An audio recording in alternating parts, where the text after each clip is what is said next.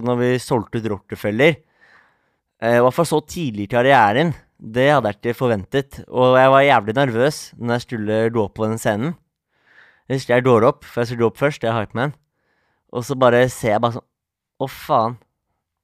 Ser du Faen, det er fullt, jo.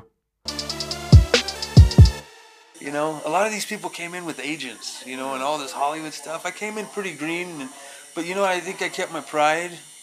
And uh, if there's any money to be made off of it, don't get me wrong for a second. Of course, that's why the fuck I would do it. And, you know, a lot of people wonder about that. Oh, did you do it for the money? Well, fuck yeah, that's what I tattoo for too. You dumb fuck, you know.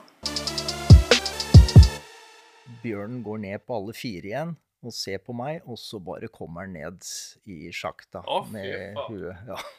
Da, da skal han ned og ta meg. Og da skyter jeg, da. Akkurat når den er på vei ned. Så jeg gjør jo det, og så er det en som uh, tar litt upassende på meg. Ja. Jeg veit ikke helt om han mener det, men min første reaksjon er jo da å bruke nederst på mikken og bare hamre han i trynet. ikke sant? Så han begynte å blø.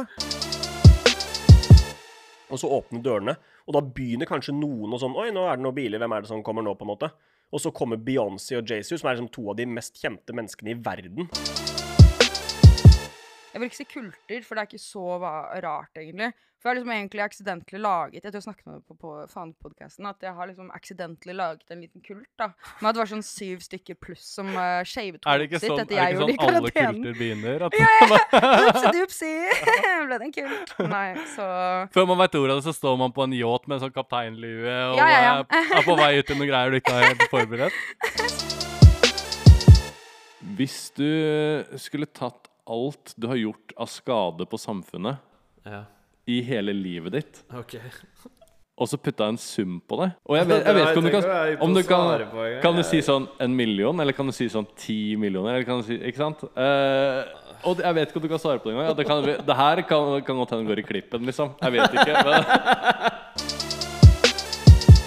Men det er sånn når folk spør meg liksom ofte om liksom, hvordan var det hvordan har det vært for deg å komme ut, så er det jo sånn at i, i hiphop-miljøet så er det jo ikke noe fordel i det hele tatt. Nei. Men i forhold til det å skulle få eh, eh, mediedekning da, Mm. eh, i mainstream-media, så er det selvfølgelig en kjempefordel. Mm.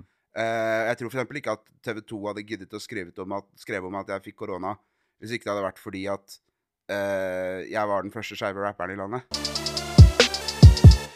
Og da plutselig bare Over natta var vi inne i, i kunstmarkedet, da, på kunstverden.